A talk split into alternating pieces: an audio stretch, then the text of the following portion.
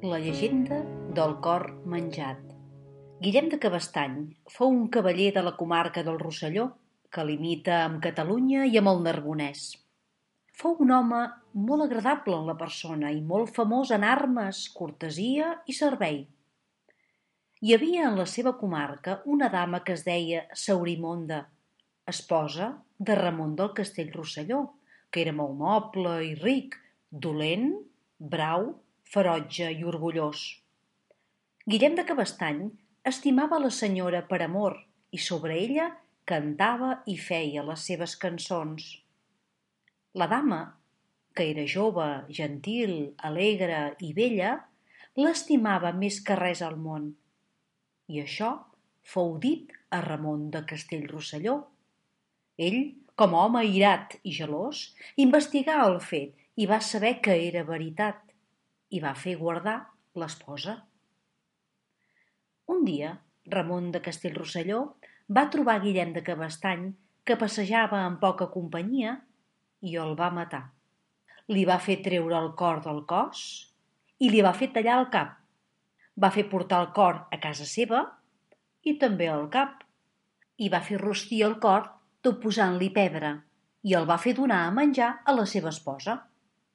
Quan la dama el va haver menjat, Ramon de Castellrosselló li digué «Sabeu què és això que heu menjat?»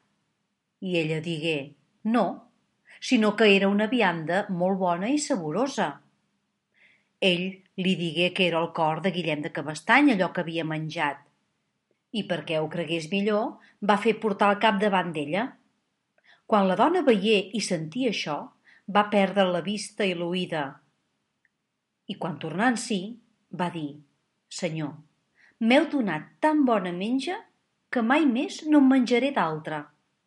Quan ell va sentir això, va córrer amb la seva espasa i volgué donar-li el cap. I ella va córrer cap al balcó i es deixà caure a baix. I així va morir. Pel Rosselló i per tot Catalunya va córrer la nova que Guillem de Cabestany i la dona havien mort tan traïdorament i que Ramon de Castellrosselló havia donat el cor de Guillem a menjar a la dona.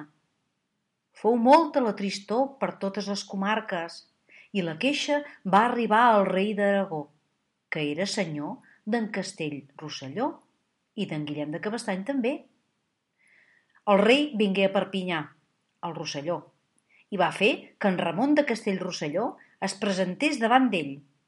El va fer agafar li va prendre tots els seus castells i els va fer destruir.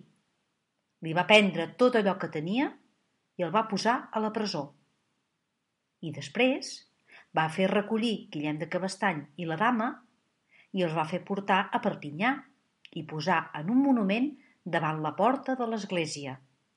I va fer dibuixar sobre el monument com havien mort i va ordenar que per tot el comtat de Rosselló tots els cavallers i les dames els fessin aniversari tots els anys i Ramon de Castell-Rosselló va morir a la presó del rei.